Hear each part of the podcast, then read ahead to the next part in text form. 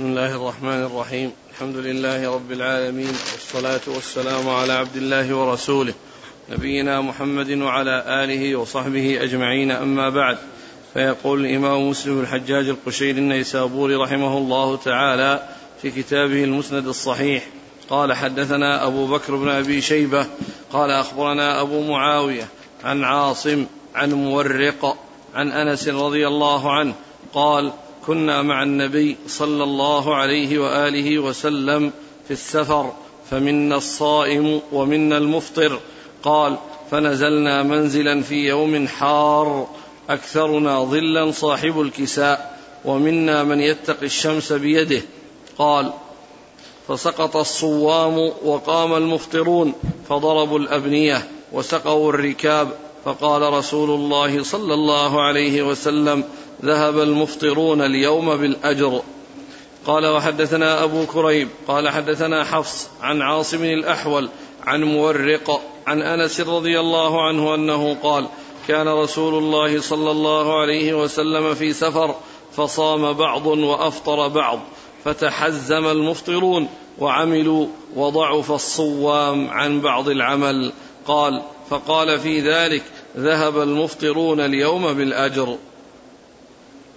قال حدثني محمد بن حاتم قال حدثنا عبد الرحمن بن مهدي عن معاوية بن صالح عن ربيعة قال حدثني قزعة قال أتيت أبا سعيد الخدري رضي الله عنه وهو مكثور عليه. فلما تفرق الناس عنه قلت إني لا أسألك عما يسألك هؤلاء عنه. سألته عن الصوم في السفر. فقال سافرنا مع رسول الله صلى الله عليه وسلم إلى مكة ونحن صيام. قال فنزلنا منزلا. فقال رسول الله صلى الله عليه وسلم إنكم قد دنوتم من عدوكم والفطر أقوى لكم. فكانت رخصة فمنا من صام ومنا من أفطر. ثم نزلنا منزلا آخر. فقال إنكم مصبحوا عدوكم والفطر أقوى لكم فأفطروا. وكانت عزمة فأفطرنا. ثم قال لقد رأيتنا نصوم مع رسول الله صلى الله عليه وسلم بعد ذلك في السفر. بسم الله الرحمن الرحيم. الحمد لله رب العالمين. وصلى الله وسلم وبارك على عبده ورسوله نبينا محمد وعلى آله وأصحابه أجمعين. أما بعد فهذه الأحاديث تدل على أن خدمة أصحاب الإنسان في السفر أن هذا من أحسن الأخلاق ومن أطيب الأخلاق. وأن الإنسان في سفره مع غيره يحرص على أن يكون خادما لا أن يكون مخدوما وذلك بأن يقوم أو يسارع ويبادر إلى القيام بالأمور التي يحتاج إليها, إليها أصحابه في السفر. وهذه الأحاديث فيها أن الرسول عليه الصلاة والسلام كان مع أصحابه في سفر وأنهم كانوا في يوم حار وأنهم آه، آه، اشتد عليهم الحر وأن أكثرهم يعني آه، ظلا صاحب الكساء أي الذي معه كساء يستظل به ومنهم من يتقي الشمس بيده من شدة الحرارة. فقام المفطرون فالصائمون حصل عندهم ضعف وإخلاد إلى الراحة والمفطرون قاموا ب يعني بما يلزم للإبل وبالخدمة التي يحتاج إليها يعني في في السفر. فقال عليه الصلاة والسلام ذهب المفطرون اليوم بالأجر. يعني أجر الخدمة وأجر العمل فيما يتعلق بإبلهم وإبل غيرهم فيما يتعلق بإبلهم التي تخصهم وكذلك الإبل التي لإخوانهم الصائمين الذين حصل عندهم شيء من الضعف فقام المفطرون بهذه المهمة. فقال الرسول صلى الله عليه وسلم ذهب المفطرون اليوم بالأجر. يعني بأجر هذه الخدمة وهذا العمل وهذا الجهد الذي آه، تمكن منه من كان مفطرا ولم يتمكن منه من كان من كان صائما. الحديث الثاني. قال كنا تحزم قال كان صلى الله عليه وسلم في سفر فصام بعض وأفطر بعض. فتحزم المفطرون وعملوا وضعف الصوام عن بعض العمل. قال فقال في ذلك ذهب المفطرون اليوم بالأجر. وهذا مثل الذي قبله لأن قول تحزم يعني أنهم يعني شدوا الأحجمة على أوساطهم من أجل العمل والجد في العمل لأن الإنسان عندما يعني يباشر عملا لا سيما فيما يتعلق بالسفر فإنه يحتاج إلى أن يشد وسطه. وهذا هو الذي يقال التحزم يعني يشد وسطه بالحزام الذي يربطه على بطنه وذلك ليكون أمكن له يعني في الحركة وأيضا يعني رفع يعني شيء من من ثيابه يعني عن النزول يعني إلى ما كانت عليه ليكون أقوى ليكون أقوى للإنسان. فهذا هو التحزم.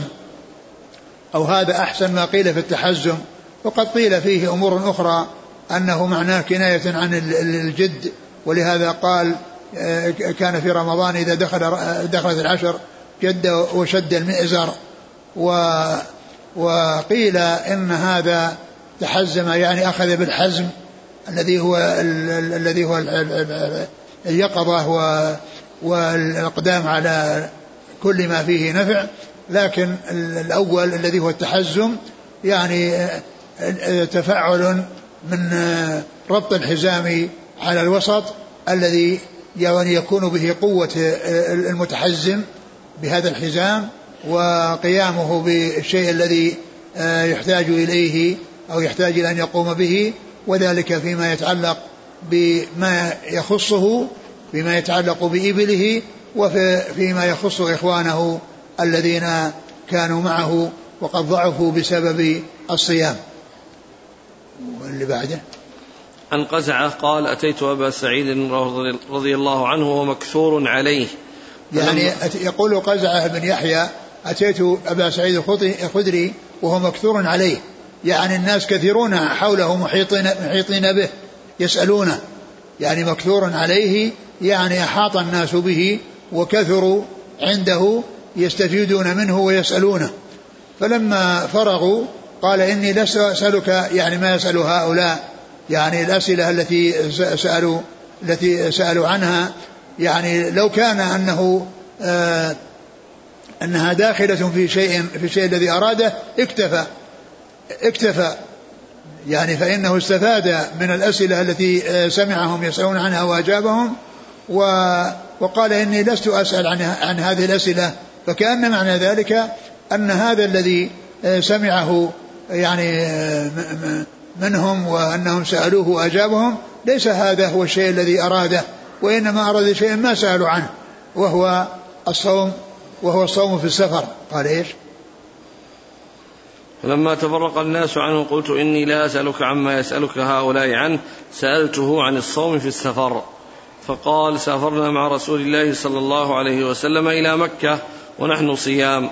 قال فنزلنا منزلا فقال عليه الصلاة والسلام إنكم قد دنوتم من عدوكم. قال عليه الصلاة والسلام يعني وهم قربوا مكة وذلك عام الفتح. فقال لهم عليه الصلاة والسلام إنكم دنوتم من عدوكم والفطر أقوى لكم. يعني هذا فيه إشارة إلى أن إلى أن الفطر يعني أنه هو الذي ينبغي أن يفعلوه. ولا وقالوا هذه رخصة. يعني لأن قوله هي أقوالكم يعني ما في عزم ما في عزمة وإنما هي رخصة. فمنهم من صام ومنهم من أفطر. منهم من أفطر بناء على التنبيه الذي أشار إليه وقوله والفطر أقوالكم ومنهم من واصل لأنه ما حصل عزمة. ثم إنهم لما مشوا وقربوا من مكة أو قال إنكم مصبحوا عدوكم والفطر والفطر أقوالكم نعم والفطر. والفطر أقوالكم فأفطروا. قالوا فكانت عزمة لأن في الأول ما قال أفطروا وإنما أشار إلى أن الفطر أقوى. وهنا قال الفطر أقوى فأفطروا. قالوا فكانت عزمة يعني معناه فأفطروا لأنه لما أمرهم بالإفطار أفطروا وعرفوا أن أن أحد الجانبين هو المتعين الذي هو الإفطار وهذا فيه الاستعداد للعدو يعني في القتال.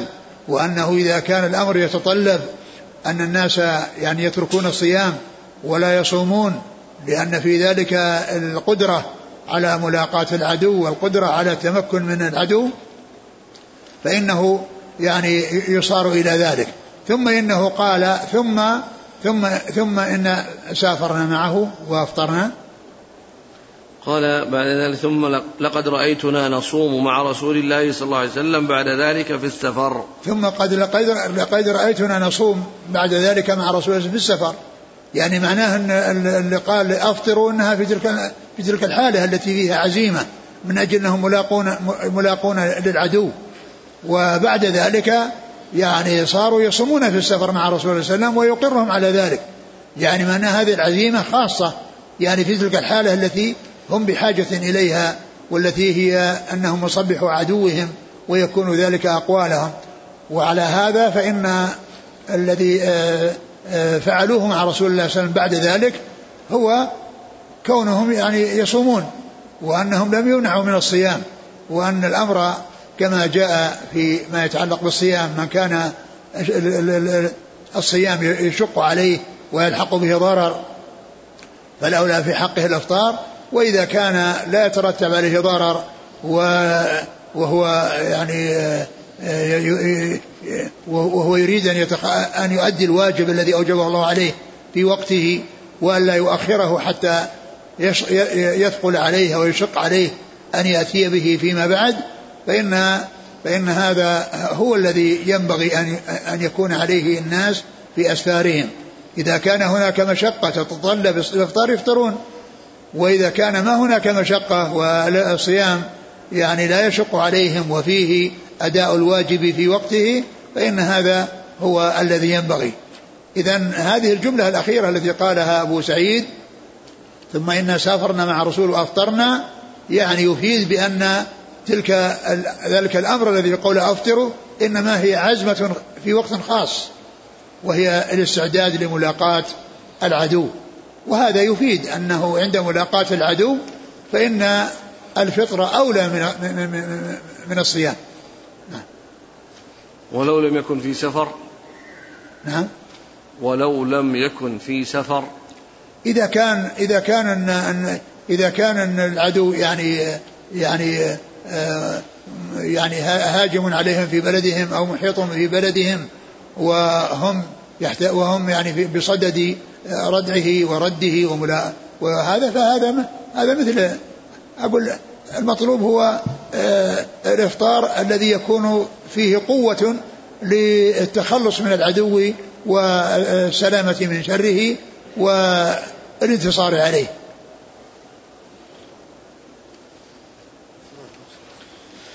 قال حدثنا أبو بكر بن أبي شيبة عن أبي معاوية محمد بن خازم الضرير الكوفي عن عاصم عاصم بن سليمان الأحول. عن مورق. مورق العجلي. عن أنس.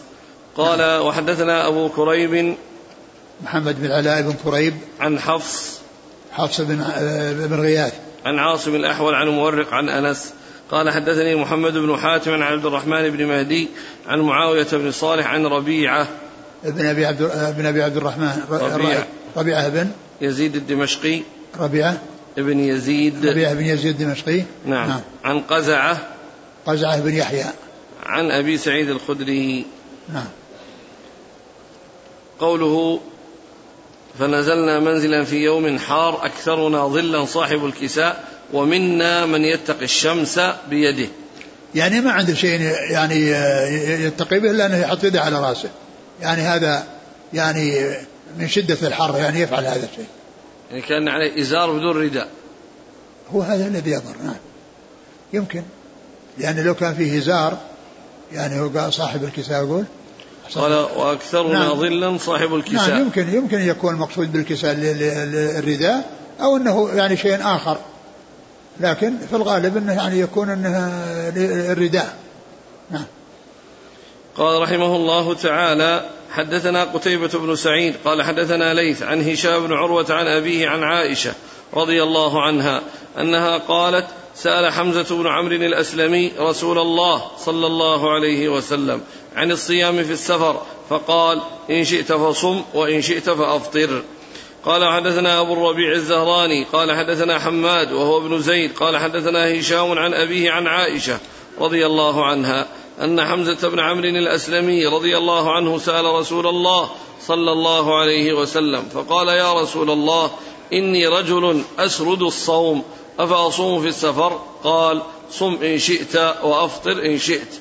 قال وحدثناه يحيى بن يحيى قال أخبرنا أبو معاوية عن هشام بهذا الإسناد مثل حديث حماد بن زيد إني رجل أسرد الصوم. قال وحدثنا أبو بكر بن أبي شيبة وأبو كريب قال حدثنا ابن نمير وقال أبو, بكر حدثنا عبد الرحيم بن سليمان كلاهما عن هشام بهذا الإسناد أن حمزة قال إني رجل أصوم أفأصوم في السفر؟ قال وحدثني أبو الطاهر وهارون بن سعيد الأيلي قال, حد قال هارون حدثنا وقال أبو الطاهر أخبرنا ابن وهب قال أخبرني عمرو بن الحارث عن أبي الأسود عن عروة بن الزبير عن أبي مراوح عن حمزة بن عمرو الأسلمي رضي الله عنه أنه قال يا رسول الله أجد بي قوة على الصيام في السفر فهل علي جناح؟ فقال رسول الله صلى الله عليه وسلم هي رخصة هي رخصة من الله فمن أخذ بها فحسن ومن أحب أن يصوم فلا جناح عليه. قال هارون في حديثه هي رخصة ولم يذكر من الله. ثم ذكر هذه الأحاديث المتعلقة بالتخيير بين الصوم والإفطار في السفر. وهي تتعلق بالصيام المستحب. وهي تتعلق بالصيام المستحب لأن هذه هذا الصحابي الذي هو حمزة الذي هو حمزة ابن بن عمرو الأسلمي بن عمرو الأسلمي رضي الله عنه يعني يسأل عن أنه أنه أنه يسرد الصوم وأنه يعني يسأل يعني هل هل يصوم أو, أو لا. فأخبره الرسول صلى الله عليه وسلم قال إن شئت فصوم وإن شئت فأفطر. ومعلوم أن هذا إنما هو تطوع. ومعلوم أن أن قوله إن شئت فصوم وإن شئت فأفطر يعني هذا مثل ما تقدم في أن الحكم واحد سواء يتعلق بالفرض أو النفل إذا كان عليه مشقة ويلحقه ضرر فإن الأولى في حقه الإفطار وإذا كان ما يترتب عليه شيء إذا كان ما يترتب عليه ضرر وأنه آه، يعني آه، يصوم ولا يترتب عليه ضرر سواء كان فرضا أو نفلا فإن فله ذلك. فإن له ذلك نعم. قال حدثنا قتيبة بن سعيد عن ليث. ليث بن سعد. عن هشام بن عروة عن أبيه عن عائشة. قال حدثنا أبو الربيع الزهراني. هو سليمان بن داود. قال وحدثناه يحيى بن يحيى عن أبي معاوية عن هشام. قال وحدثني أبو الطاهر. أحمد بن عمرو بن السرح وهارون بن سعيد الأيلي عن ابن وهب عن عمرو بن الحارث عن أبي الأسود. هو هو محمد بن عبد الرحمن. نعم. محمد بن عبد الرحمن بن نوفل يتيم عروة. من يروي عنه؟ عن عروة بن الزبير. نعم. محمد بن عبد الرحمن. عن أبي مراوح. وهو سعد. عن حمزة بن عمرو الأسلمي. نعم. قال حدثنا داود بن رشيد قال حدثنا الوليد بن مسلم عن سعيد بن عبد العزيز عن إسماعيل بن عبيد عن إسماعيل بن عبيد الله عن أم الدرداء عن أبي الدرداء رضي الله عنه أنه قال خرجنا مع رسول الله صلى الله عليه وسلم في شهر رمضان في حر شديد حتى إن كان أحدنا ليضع يده على رأسه من شدة الحر وما فينا صائم إلا رسول الله صلى الله عليه وسلم وعبد الله بن رواحة. قال حدثنا عبد الله بن مسلمة القعنبي قال حدثنا هشام بن سعد عن عثمان بن حيان الدمشقي عن أم الدرداء قالت قال أبو الدرداء رضي الله عنه لقد رأيتنا مع رسول الله صلى الله عليه وسلم في بعض أسفاره في يوم شديد الحر حتى إن الرجل ليضع يده على رأسه من شدة الحر. وما منا أحد صائم إلا رسول الله صلى الله عليه وسلم وعبد الله بن رواحة رضي الله عنه. وهذا وهذا الحديث يدل على يعني كون الصحابة كانوا مع النبي صلى الله عليه وسلم في سفر من الأسفار وأنهم كانوا مفطرين وأنه ليس فيهم من هو صائم إلا رسول الله صلى الله عليه وسلم وعبد الله بن رواحة رضي الله عنه. وهذا يعني يدل على أن أن أنه إذا كان الحر شديد وأن فيه مشقة فإن الذي يشق عليه الصوم الأولى في حقه أن يفطر. ومن وجد في نفسه قوة ولم يلحقه يلحق به ضرر ولا يترتب عليه مضرة فله أن يصوم. وقد فعل ذلك رسول الله صلى الله عليه وسلم ومعه عبد الله بن رواحة في هذا في هذا السفر. نعم.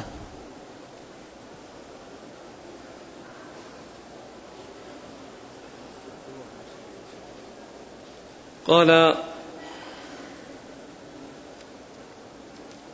حدثنا داود بن رشيد عن الوليد بن مسلم عن سعيد بن عبد العزيز عن إسماعيل بن عبيد الله عن أم الدرداء. أم الدرداء هي التابعية هجيمة وهي التي إذا جاءت في الإسناد تروي عن أبي الدرداء المراد بها التابعية التي هي هجيمة. وأما الصحابية واسمها خيرة فإنها ليس لها رواية عن أبي الدرداء. وإنما الرواية إنما هي لهجيمة التابعية. نعم. قال حدثنا عبد الله بن مسلمة القعنبي عن هشام بن سعد عن عثمان بن حيان الدمشقي عن أم الدرداء عن أبي الدرداء. لكن هذا السفر نعم. هنا يقول أنه كان السفر في شهر رمضان. اي نعم. لكن هل هو في شرح فتح مكة؟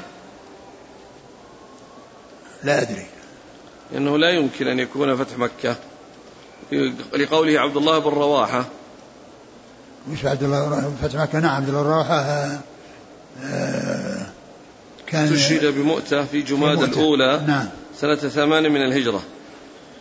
قوله في رمضان. يعني في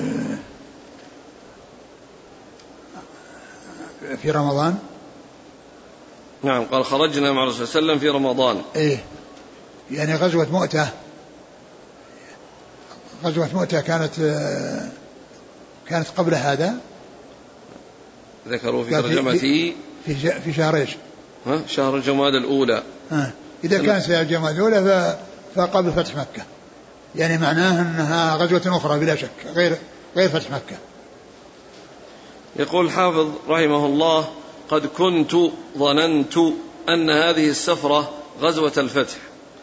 لما رأيت في في الموطأ من طريق أبي بكر بن عبد الرحمن عن رجل من الصحابة قال رأيت رسول الله صلى الله عليه وسلم بالعرج في الحر وهو يصب على رأسه الماء وهو صائم من العطش ومن الحر فلما بلغ الكديد أفطر فإنه يدل على أن غزاة الفتح كانت في أيام في أيام في أيام شدة الحر.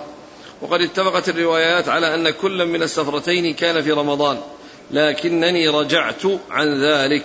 وعرفت أنه ليس بصواب لأن عبد الله بن رواحة استشهد بمؤتة قبل غزوة الفتح بلا خلاف وإن كانتا جميعا في سنة واحدة. وقد استثناه أبو الدرداء في هذه السفرة مع النبي صلى الله عليه وسلم فصح أنها كانت سفرة أخرى.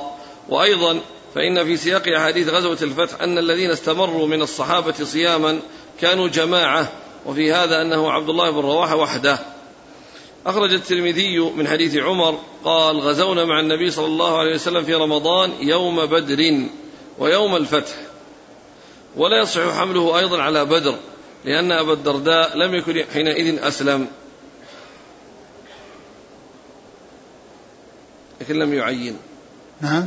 لكنه لم يعين ما هي الغزوة. يعني معناه أنها غزوة قبل يعني قبل قبل فتح مكة.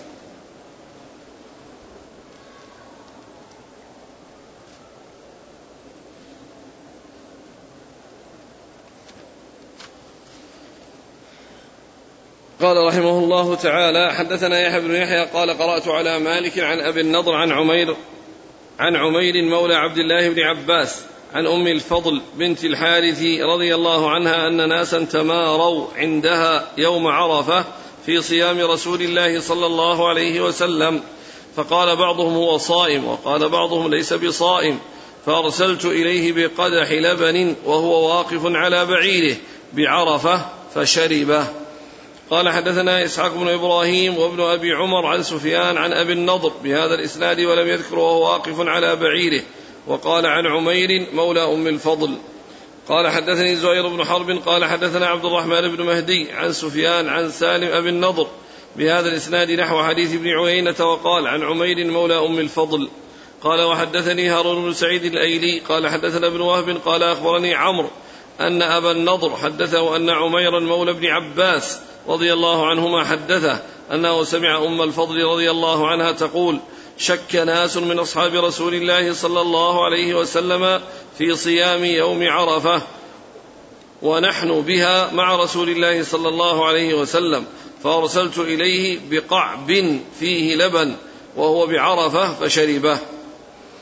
قال وحدثني هارون بن سعيد الأيلي قال حدثنا ابن وهب قال أخبرني عمرو عن بكير بن الأشج عن كريب مولى بن عباس رضي الله عنهما عن ميمونة زوج النبي صلى الله عليه وسلم أنها قالت إن الناس شكوا في صيام رسول الله صلى الله عليه وسلم يوم عرفة فأرسلت إليه ميمونة بحلاب اللبن وهو واقف في الموقف فشرب منه والناس ينظرون إليه. ثم ذكر هذه الأحاديث عن أم الفضل وعن ميمونة أم المؤمنين رضي الله تعالى عنهما أن فيما يتعلق بإفطار رسول الله صلى الله عليه وسلم في يوم عرفة وأنه كان مفطرا ولم يكن صائما. و وكان الصحابة رضي الله عنهم وأرضاهم شكوا أو تماروا وكانوا يتحدثون هل هو صائم أو مفطر.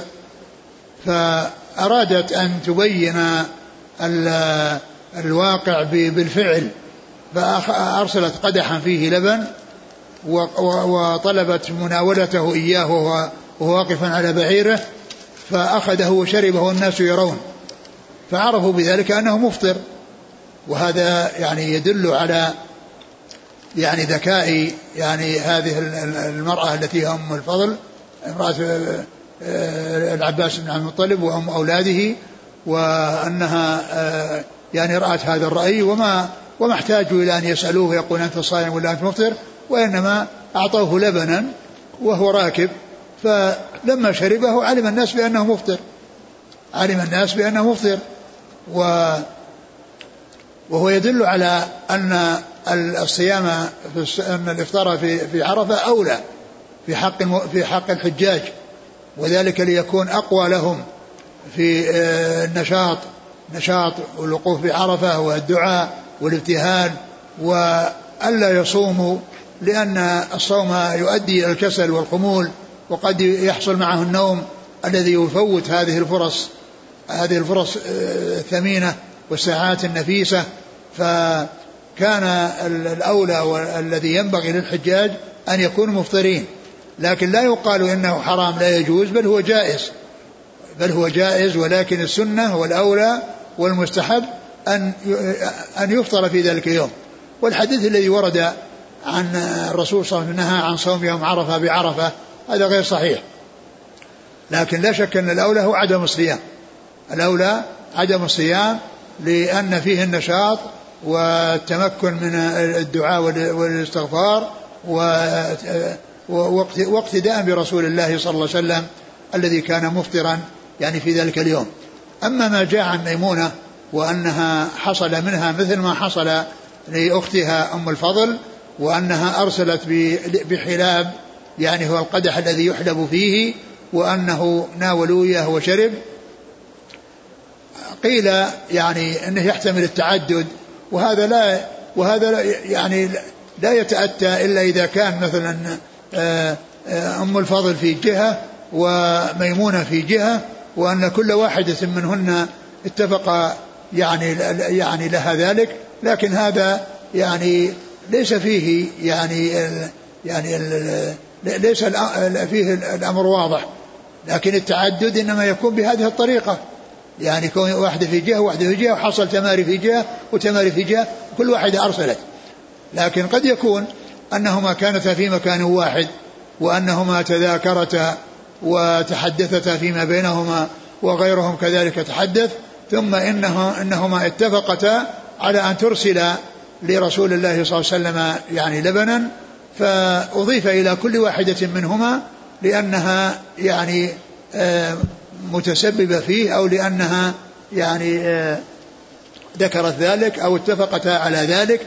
ف يعني يحمل على هذا إما على التعدد وأن هذا من جهة وهذه من جهة أو أنهم في مكان واحد وهما أختان وجرى الحديث يعني منهما ومن غيرهما واتفقتا على الإرسال فأضيف الإرسال وقد أرسلت مندوبا وجاء في في يعني في سنن النسائي أنها ابن عباس وهي يعني آه، وأم الفضل أمه وميمونة خالته وأنه عندما حصل التحدث والكلام في اتفقتا وأنهما أرسلتا ابن عباس فيكون منسوبا إليه إلى, إلى, إلى كل منهما من جهة أن كل واحد من حصل منها الرغبة والإرادة بأن يحل هذا الإشكال بإعطاء النبي صلى الله عليه وسلم لبنا يعني يشرب إذا شربه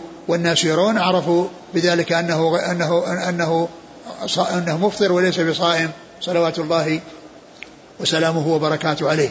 وهو يدل أيضا على يعني أيضا على الوقوف راكبا يعني على البعير وأن ذلك يعني سائق والركوب يكون راكبا والوقوف يكون راكبا ويكون يعني جالسا ويكون واقفا ويكون أيضا آه، يعني مضطجعا. كل ذلك يحصل به الوقوف وهو الوجود بعرفة في وقت الوقوف بعرفة. نعم.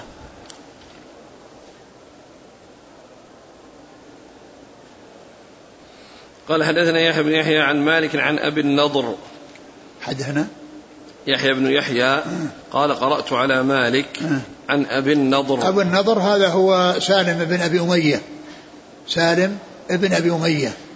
لأن أبا النضر اثنان أحدهما متقدم وهو سالم بن أبي أمية والثاني متأخر وهو قاسم بن الهاشم آه، هاشم القاسم. عن عمير مولى عبد الله بن عباس عن أم الفضل بنت الحارث. واسمها لبابة. لبابة الكبرى. نعم. قال حدثنا إسحاق بن إبراهيم وابن أبي عمر. محمد بن يحيى محمد بن يحيى بن أبي عمر العدني المكي. عن سفيان. سفيان بن عيينة. عن عمير مولى أم الفضل. نعم. هناك مولى ابن عباس هنا مولى يعني يعني يمكن يكون مولى أحدهما ولكنه يضاف إلى الثاني لمصاحبته أو أو أو لملازمته. وقد يكون مولى لأم الفضل ويكون يعني كونه مولى لابن عباس لأنه ابنها ويعني له ملازمة أو اتصال. نعم. قال حدثني زهير بن حرب عن عبد الرحمن بن مهدي عن سفيان. هو الثوري. عن سالم بن أبي النضر سالم أبي النضر نعم. قال حدثني هارون بن سعيد الايلي عن ابن وهب عن عمرو عن عمرو عن أبي النضر من هو؟ حدثني قال حدثني هارون بن سعيد الايلي نعم. عن ابن وهب عن عمرو عمرو بن الحارث المصري قال وحدثني هارون بن سعيد الايلي عن ابن وهب عن عمرو عن بكير بن الأشج عن كريب مولى بن عباس نعم. عن ميمونة نعم فأرسلت إليه ميمونة بحلاب اللبن. حلاب يعني هو القدح الذي يحلب فيه الذي يحلب فيه يقال حلاب.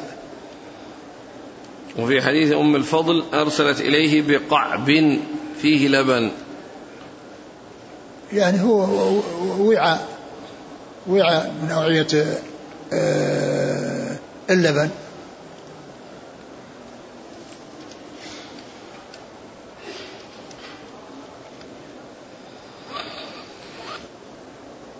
يقول آه، ثبت عن عائشة وابن عمر أنهما كان يصومان يوم عرفة بعرفة وذلك في الموطأ.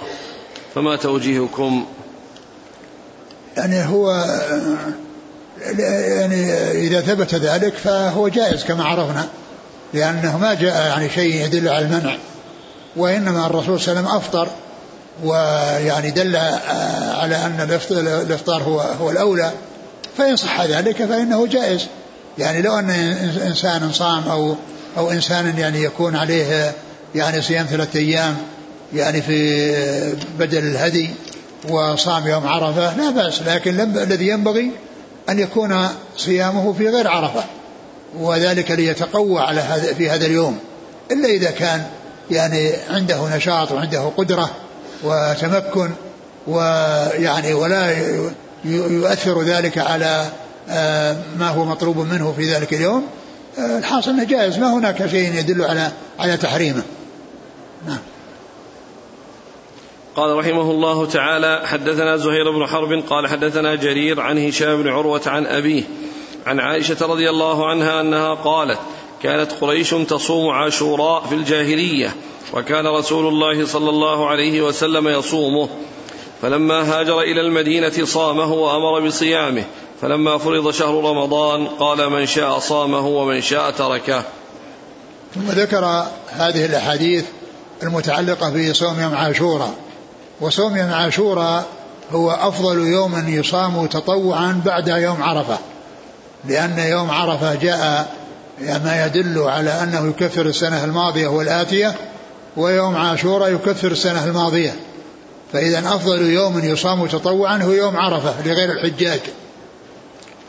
ويليه يوم عاشوراء الذي يعني آه الذي قال عنه الرسول صلى الله عليه وسلم إنه يكفر السنة الماضية.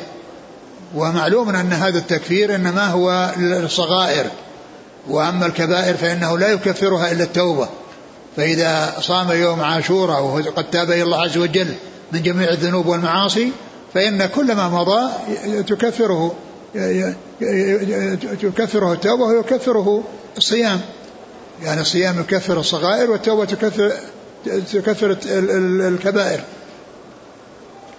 ف آه، آه، الرسول عليه السلام جاء في هذا الحديث أنه كان أن قريش كانوا يصوم يوم يصومون يوم عاشوراء.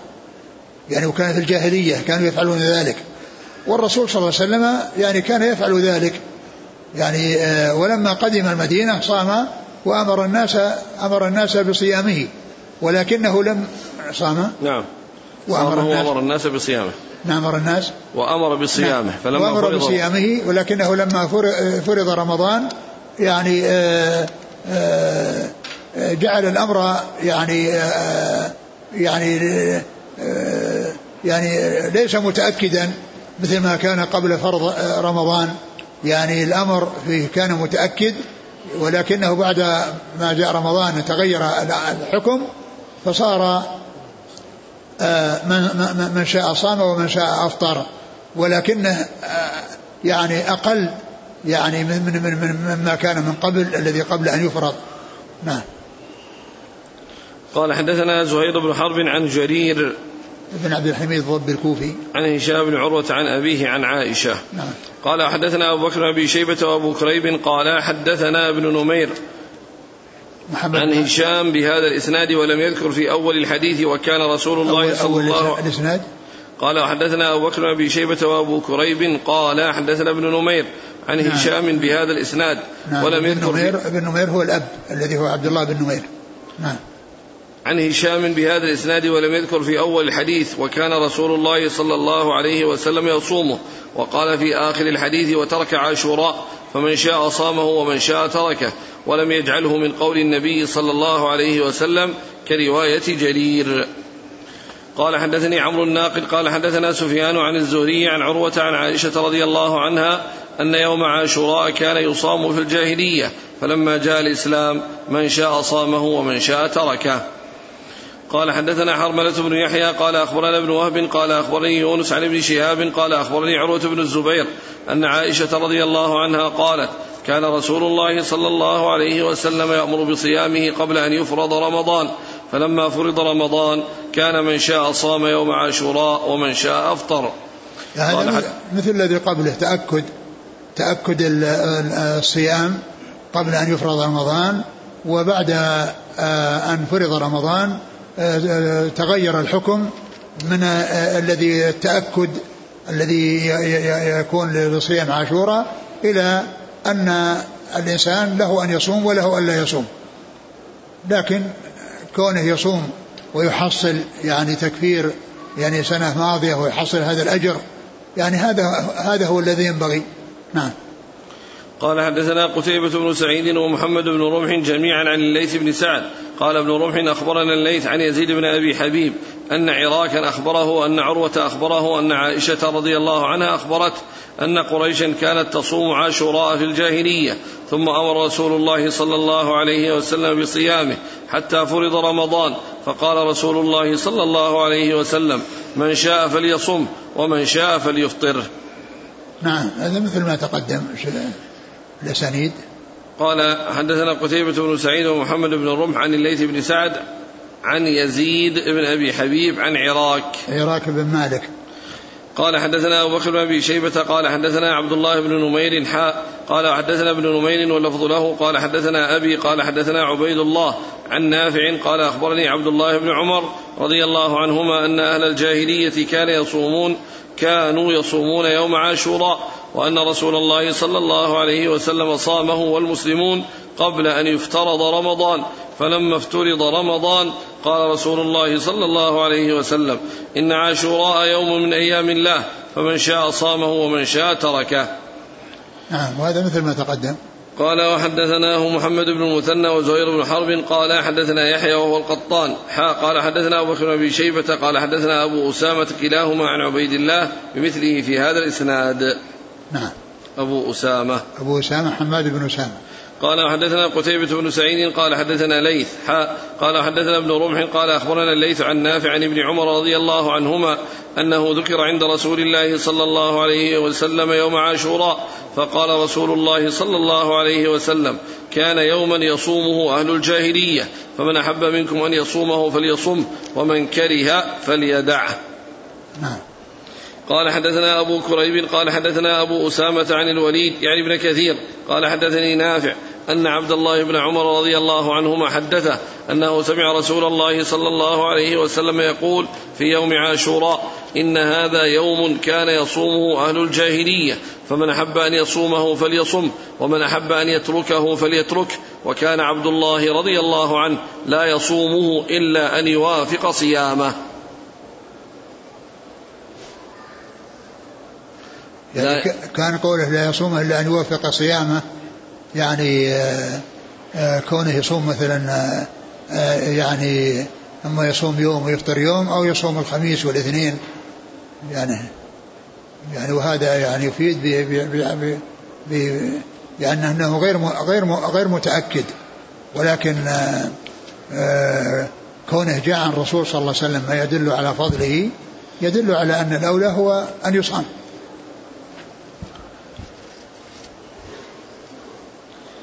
قال وحدثني محمد بن أحمد بن أبي خلف. قال حدثنا روح قال حدثنا أبو مالك عبيد الله بن الأخنس. قال أخبرني نافع عن عبد الله بن عمر رضي الله عنهما قال ذكر عند النبي صلى الله عليه وسلم صوم يوم عاشوراء فذكر مثل حديث الليث بن سعد سواء.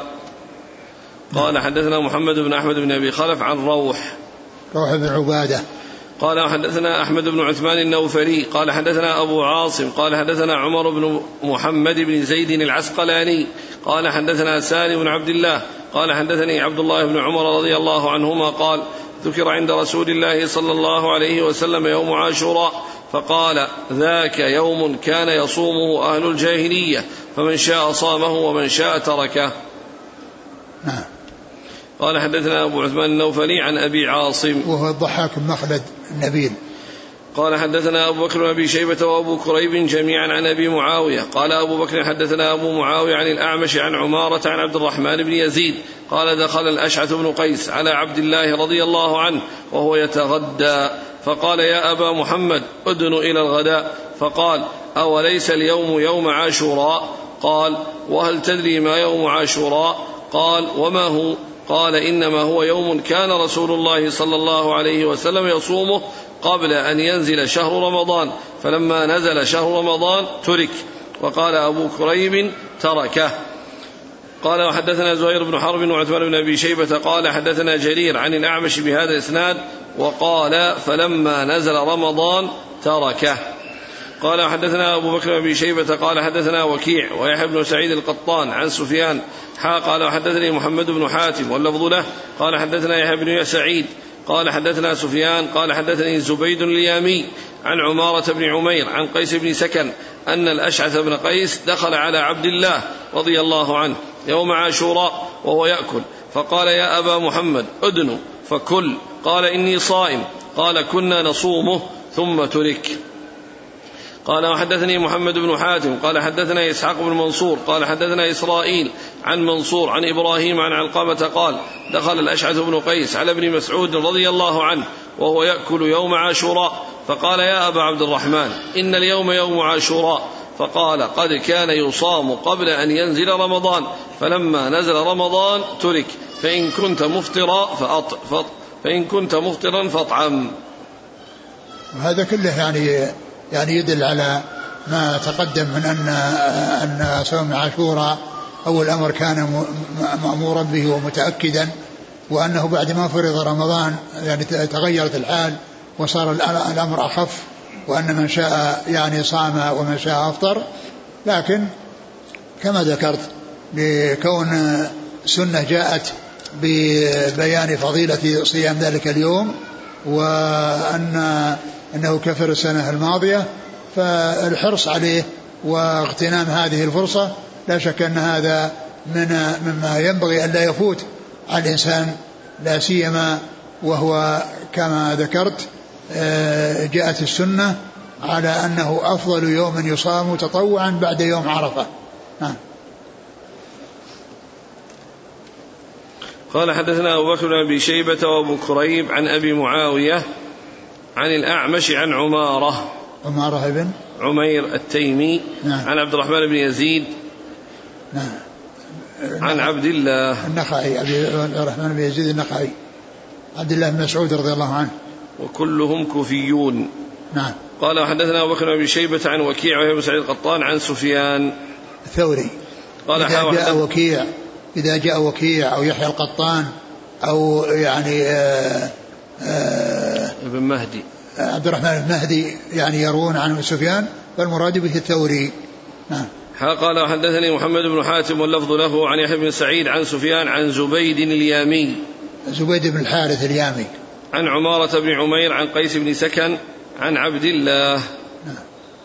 قال حدثني محمد بن حاتم عن عن إسحاق بن منصور. نعم. عن إسرائيل. نعم. ابن يونس بن أبي إسحاق. نعم. عن منصور. ابن معتمر. عن إبراهيم. النخعي. عن علقمة. ابن يزيد بن قيس النخعي. وعلقمة بن قيس النخعي. عن ابن مسعود. نعم.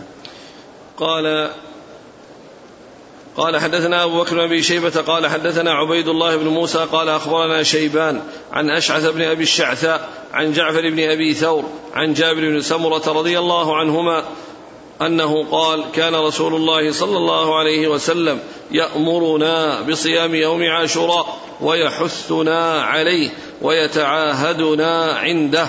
فلما فرض رمضان لم يأمرنا ولم ينهنا ولم يتعاهدنا عنده. هذا مثل ما تقدم أنه كان قبل ذلك متأكدا يعني قبل أن يفرض رمضان وبعد ذلك صار الأمر أخف مما كان عليه من قبل. نعم. قال حدثنا أبو بكر بن شيبة عن عبيد الله بن موسى عن شيبان. شيبان بن عبد الرحمن. قال حدثني حرملة بن يحيى قال أخبرنا ابن وهب قال أخبرني يونس عن ابن شهاب قال أخبرني حميد بن عبد الرحمن أنه سمع معاوية بن أبي سفيان رضي الله عنهما خطيبا بالمدينة يعني في قدمة قدمها خطبهم يوم عاشوراء فقال أين علماؤكم يا أهل المدينة؟ سمعت رسول الله صلى الله عليه وسلم يقول لهذا اليوم هذا يوم عاشوراء ولم يكتب الله عليكم صيامه وأنا صائم فمن أحب منكم أن يصومه فليصم ومن أحب أن يفطر فليفطر أعد قال معاوية أنه, قدم أنه سمع معاوية خطيبا نعم. بالمدينة يعني في قدمة قدمها. خطبهم يوم عاشوراء فقال أين علماؤكم يا أهل المدينة؟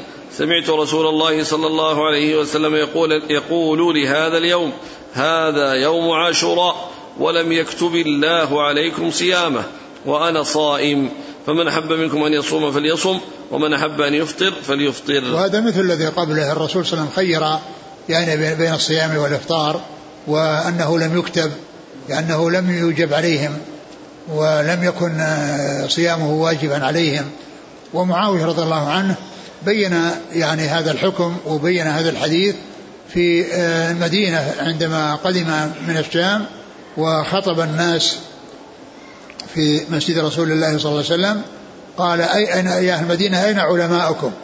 يعني الذين يبينون لكم آه، الأحكام الشرعية ويبينون لكم ما جاء عن رسول الله عليه الصلاة والسلام ثم إنه بين يعني هذا الشيء الذي سمعه من رسول الله عليه الصلاة والسلام في حكم صيام يوم عاشوراء وأنه لم يكتب وأن الإنسان له أن يصوم وله ألا يصوم. ولكن الأولى أن يصوم. نعم. قال حدثني أبو الطاهر قال حدثنا عبد الله بن وهب قال أخبرني مالك بن أنس عن ابن شهاب في هذا الإسناد بمثله. قال حدثنا ابن أبي عمر قال حدثنا سفيان بن عيينة عن الزهري بهذا الإسناد أنه سمع النبي صلى الله عليه وسلم يقول في مثل هذا اليوم إني صائم فمن شاء أن يصوم فليصم ولم يذكر باقي حديث مالك ويونس. قال حدثنا يحيى بن يحيى قال أخبرنا هشيم عن أبي بشر عن سعيد بن جبير عن ابن عباس رضي الله عنهما أنه قال قدم رسول الله صلى الله عليه وسلم المدينة فوجد اليهود يصومون يوم عاشوراء فسئلوا عن ذلك فقالوا هذا اليوم الذي أظهر الله فيه موسى وبني إسرائيل على فرعون فنحن نصومه تعظيما له. فقال النبي صلى الله عليه وسلم نحن أولى بموسى منكم فأمر بصومه. ثم ذكر هذا الحديث عن ابن عباس الذي يعني فيه أن الرسول لما قدم المدينة وجد اليهود يصومون يوم عاشوراء فقال ما هذا اليوم الذي تصومون؟ قال هذا يوم انجى الله فيه موسى وبني إسرائيل فنحن فنحن نصومه شكرا لله عز وجل. فقال عليه الصلاه والسلام نحن أحق وأولى بموسى منكم. فصامه وأمر بصيامه. صامه وأمر بصيامه يعني أمر استحباب. يعني آه، آه، وليس أمر إيجاب. نعم. قال حدثنا يحيى بن يحيى عن هشيم عن أبي بشر هو جعفر بن اياس بن أبي وحشية. عن سعيد بن جبير عن ابن عباس قال وحدثناه ابن بشار وأبو بكر بن نافع جميعا عن محمد بن جعفر عن شعبة عن أبي بشر بهذا الإسناد وقال فسألهم عن ذلك. نعم. قال حدثناه ابن بشار وأبو بكر بن نافع. هو أبو بكر بن نافع هو محمد بن أحمد بن نافع. قال وحدثني ابن أبي عمر قال حدثنا سفيان عن أيوب عن عبد الله بن سعيد بن جبير عن أبيه عن ابن عباس رضي الله عنهما أن رسول الله صلى الله عليه وسلم قدم المدينة فوجد اليهود يصومون يوم عاشوراء فقال لهم رسول الله صلى الله عليه وسلم ما هذا اليوم الذي تصومونه؟ فقالوا هذا يوم عظيم أنجى الله فيه موسى وقومه وغرق فرعون وقومه فصامه موسى شكرا فنحن نصومه.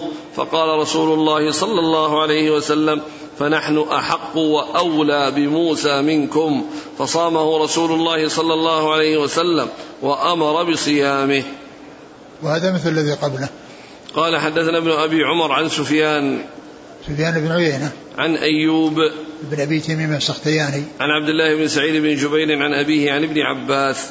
قال وحدثنا إسحاق بن إبراهيم قال أخبرنا عبد الرزاق قال حدثنا معمر عن أيوب بهذا الإسناد إلا أنه قال عن ابن سعيد بن جبير لم يسمه. وفي الإسناد الأول سماه عبد الله. نعم نعم. قال حدثنا إسحاق بن إبراهيم. بن راهوية. عن عبد الرزاق. بن همام الصنعاني. عن معمر. بن راشد الأزدي البصري. قال وحدثنا أبو بكر بن شيبة وابن نمير قال حدثنا أبو أسامة عن أبي عميس عن قيس بن مسلم عن طارق بن شهاب عن أبي موسى رضي الله عنه أنه قال كان يوم عاشوراء يوما تعظمه اليهود وتتخذه عيدا. فقال رسول الله صلى الله عليه وسلم صوموه أنتم. وحدثناه أحمد بن المنذر قال حدثنا حماد بن أسامة قال حدثنا أبو العميس قال أخبرني قيس فذكر بهذا الإسناد مثله وزاد. قال أبو أسامة فحدثني صدقة بن أبي عمران عن قيس بن مسلم عن طارق بن شهاب عن أبي موسى رضي الله عنه قال كان أهل خيبر يصومون يوم عاشوراء يتخذونه عيدا ويلبسون نساءهم فيه حليهم وشاراتهم. فقال رسول الله صلى الله عليه وسلم فصوموه أنتم. وهذا مثل الذي قبله يعني فيما يتعلق باليهود أنهم كانوا يعظمون ذلك اليوم وأنهم يعني يتخذونه عيدا وأنهم يلبسون فيه النساء الحلي والشارات أي يعني الهيئات الحسنة التي يعني يحبون أن تظهر النساء فيها. فالرسول صلى الله عليه وسلم أمرهم فيما يتعلق بهذا اليوم أن يصوموه وأن يكون عملهم الصيام لهذا اليوم. قال حدثنا أبو بكر بن شيبة وابن نمير عن أبي أسامة. بن نمير محمد بن عبد الله بن نمير. عن أبي أسامة. يعني هو آه، شيخ مسلم.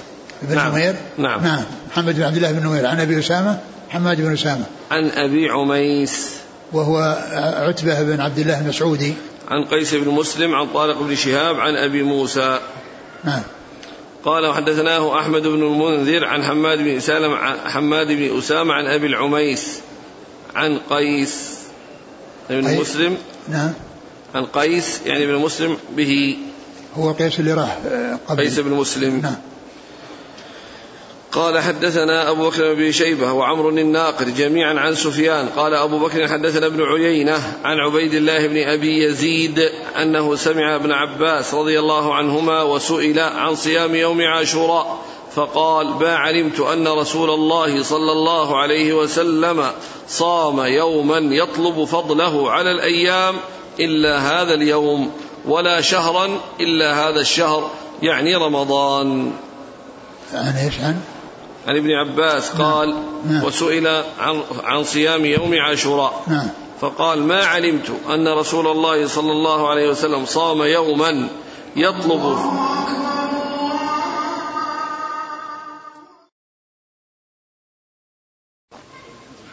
هذا حديث ابن عباس قال ما علمت أن رسول الله صلى الله عليه وسلم صام يوما يطلب فضله على الأيام إلا هذا اليوم ولا شهرا إلا هذا الشهر يعني رمضان.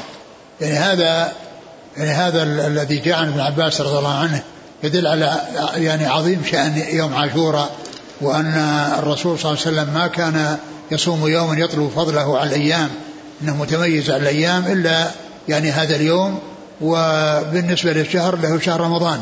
وهذا يتفق مع ما جاء في الحديث عن النبي عليه الصلاة والسلام أنه قال يعني أفضل الصيام بعد شهر رمضان شهر الله المحرم ومعلوم أن يوم عاشوراء هو أفضل أيام أفضل أيام شهر المحرم فهذا متفق مع ما جاء في ذلك الحديث الذي يقولنا أفضل الصيام بعد رمضان يعني صيام شهر الله المحرم فإن يوم عاشوراء هو أفضل أيام ذلك الشهر. نعم. قال حدثنا أبو, أبو بكر بن أبي شيبة عمرو الناقد عن سفيان بن عيينة عن عبيد الله بن أبي يزيد عن ابن عباس. نعم. قال وهو رباعي. نعم. قال حدثني محمد بن رافع. قال حدثنا عبد الرزاق. قال أخبرنا ابن جريج. قال أخبرني عبيد الله بن أبي يزيد في هذا الإسناد بمثله. نعم.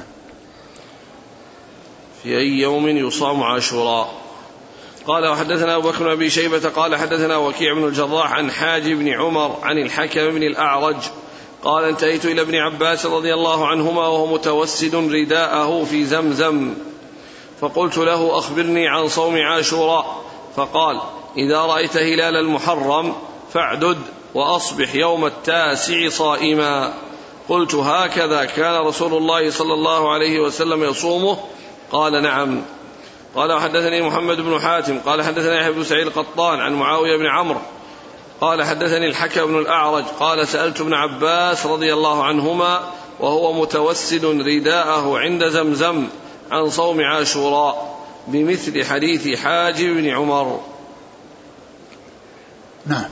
قال وحدثنا الحسن بن علي الحلواني قال حدثنا ابن أبي مريم قال حدثنا يحيى بن أيوب قال حدثني إسماعيل بن أمية أنه سمع أبا غطفان ابن الطريف المري يقول سمعت عبد الله بن عباس رضي الله عنهما يقول حين صام رسول الله صلى الله عليه وسلم يوم عاشوراء وأمر بصيامه قالوا يا رسول الله إنه يوم تعظمه اليهود والنصارى.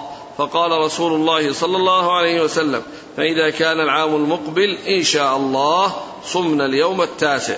قال فلم يأتي العام المقبل حتى توفي رسول الله صلى الله عليه وسلم.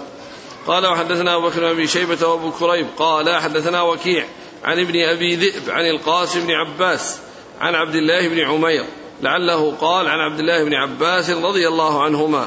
قال قال رسول الله صلى الله عليه وسلم لئن بقيت إلى قابل لأصومن التاسع. وفي رواية أبي بكر قال يعني يوم عاشوراء. ثم ذكر هذا هذا هذا الحديث عن عباس رضي الله عنه وفي أوله أنه لما سأله عن يعني يوم عاشوراء قال إذا إذا دخل المحرم فاعدد تسعا ثم أصبح صائما. يعني معناه يصوم يعني يعني يوم, يوم, يوم التاسع. والأحاديث الأخرى التي جاءت عنه فيما بعد والذي قال لأنه لئن بقيت إلى قابل لاصوم من التاسع يعني يفيد بأن بان المقصود بالعاشر هو العاشر وهو الذي يدل عليه اللفظ لأنه قال عاشورا والتاسع قال تاسوعا ف يعني الروايات اللي جاءت عن عن عن, عن ابن عباس والتي فيها أن العاشر هو اليوم العاشر وأن التاسع هو الذي يكون هو الذي يكون الذي قبله وأن الرسول عليه الصلاة والسلام قال لئن بقيت لأصوم من التاسع يدل على أن على أن أن, أن عاشوراء ليس هو التاسع فيكون ما جاء عنه من الروايات الأخرى يعني موضحة أن أن أن العاشر عند ابن عباس هو هو اليوم العاشر وهو الذي يوافق اللفظ وأما التاسع فيقال له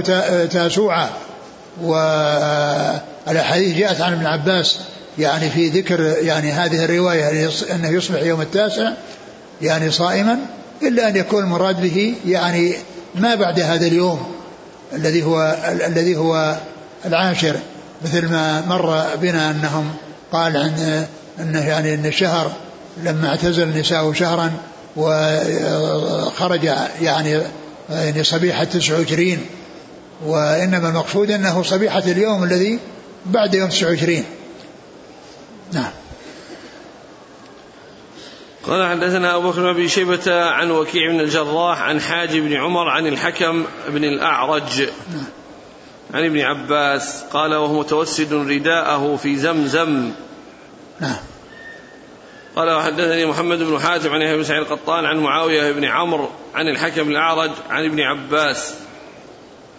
قال حدثنا حسن بن علي الحلواني عن ابن أبي مريم.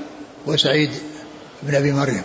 عن يحيى بن أيوب عن إسماعيل بن أمية عن أبي غطفان ابن طريف المري.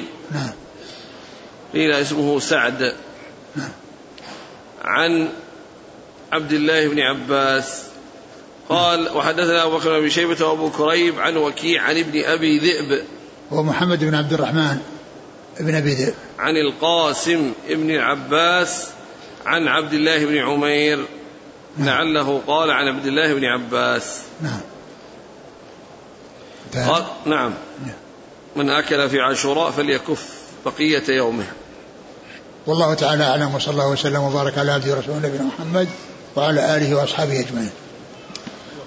جزاكم الله خيرا وبارك الله فيكم. ألهمكم الله الصواب ووفقكم للحق شافاكم الله وعافاكم ونفعنا الله بما سمعنا وغفر الله لنا ولكم وللمسلمين أجمعين. آمين.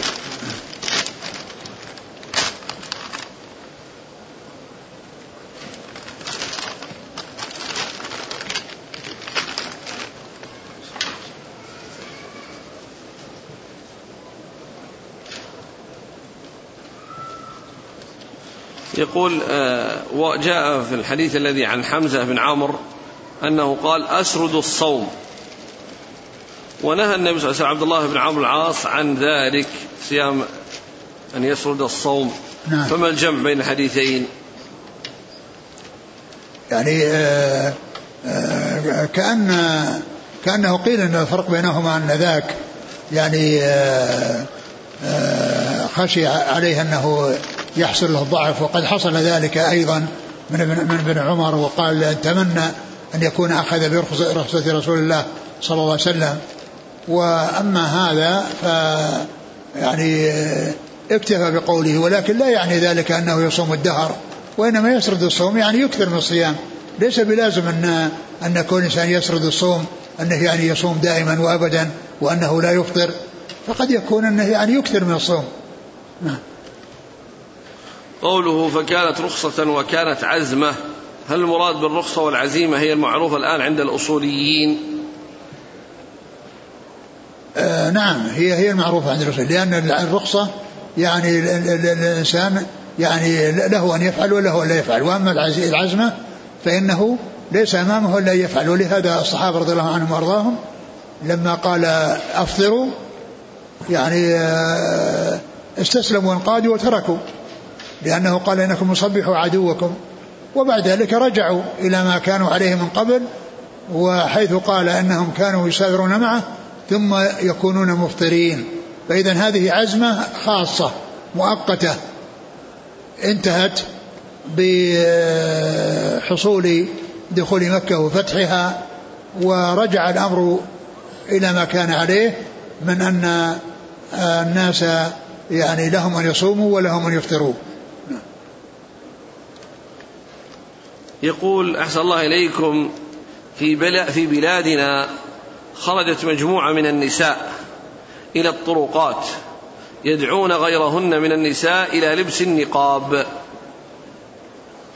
ويزعمن أن المرأة يجوز لها السفر من دون محرم. دليلهن أن عائشة رضي الله عنها كانت تحج مع عبد الرحمن بن عوف وعثمان بن عفان وليس معها محرم. ويقولن بأن الدليل على وجوب السفر مع المحرم إنما هو في زمن قديم للوحشة وعدم الأمن حينئذ. وأما الآن فزالت العلة. ما نصيحتكم تجاه يعني يأخذون المتشابه ويتركون المحكم. أقول هذا أخذ المتشابه وترك المحكم. الرسول صلى الله عليه وسلم قال لا يحل لامرأة أن تؤمن بالله واليوم الآخر أن تسافر إلا مع ذي محرم والرجل الذي جاء إلى النبي صلى الله عليه وسلم وقال إني اكتتبت في غزوة كذا وكذا وإن إن امرأتي تريد الحج قال اذهب وحج مع امرأتك.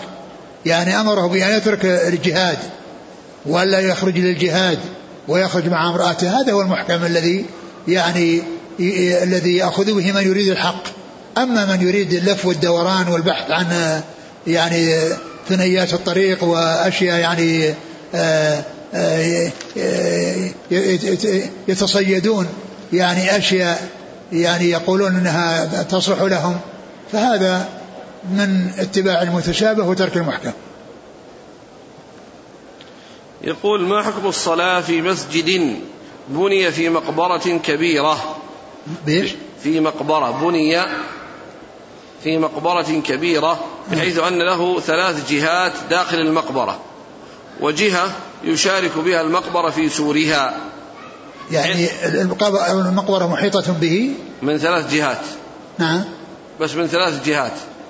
علما أن له لا يوجد في قبلته قبور لكن نوافذ نوافذه تطل على القبور ووراءه. يعني المسجد يعني مبني من قبل